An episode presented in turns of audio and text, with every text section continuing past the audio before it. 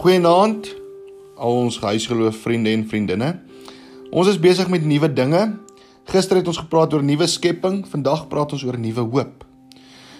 Gister het ons mekaar gesê dat mense eintlik die aarde verwoes. Ons het gesê dat dat dit partykeere moeilik is om om om te aanskou hoe die aarde alles net vergaan. Maar gelukkig het ons gesê God het alles geskep en hy het dit nie net so gelos nie. En daarom weet ons mos van gisteraand af dat God gebruik ons ook om hierdie aarde nuut te maak en mooi te maak. Maar partykeer is ons hoop min.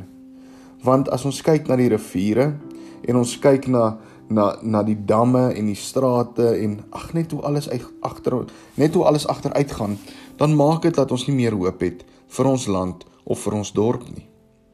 Maar gelukkig kom God en hy kom gee vir ons nuwe hoop deur Jesus Christus en die Heilige Gees.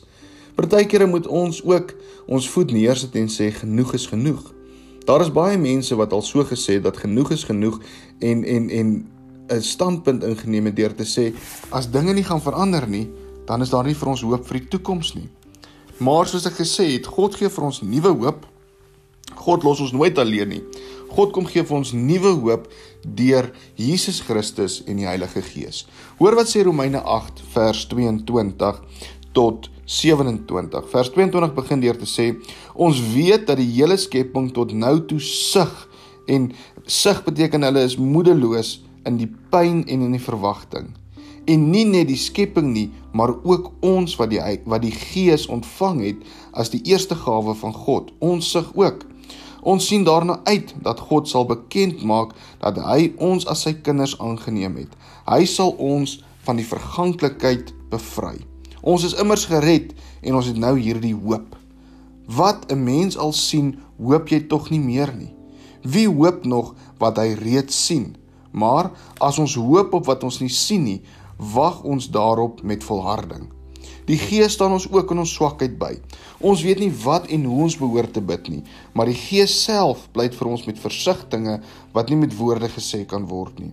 En God wat die harte deurgrond, weet wat die bedoeling van die Gees is, want hy pleit vir ons volgens die wil van God vir die gelowiges. Wat maak jou moedeloos? Dink 'n bietjie mooi, wat maak jou moedeloos? Wat maak jou opgewonde? Wat doen mense wat jou ook wil inspireer om om meer hoop in hierdie wêreld in te bring en meer hoop vir die skepping te gee?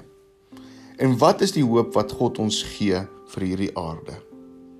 Soos ek gister gesê het, gaan doen iets prakties. Gaan kyk op Google, hoe 'n verskil kan jy maak om die aarde 'n beter plek te maak? Wat kan jy doen om aardverwarming te help?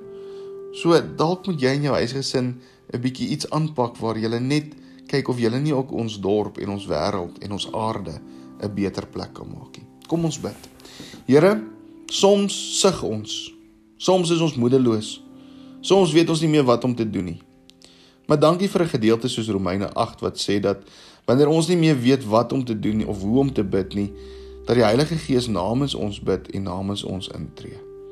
Here, maak ons weer bewus van die nuwe hoop Maak dat ons nie sal vaskyk in al die sleg en die seer nie, maar gee vir ons nuwe hoop. Maak dat ons ook hier sal uitstap en die wêreld wil verander en die aarde 'n beter plek wil maak.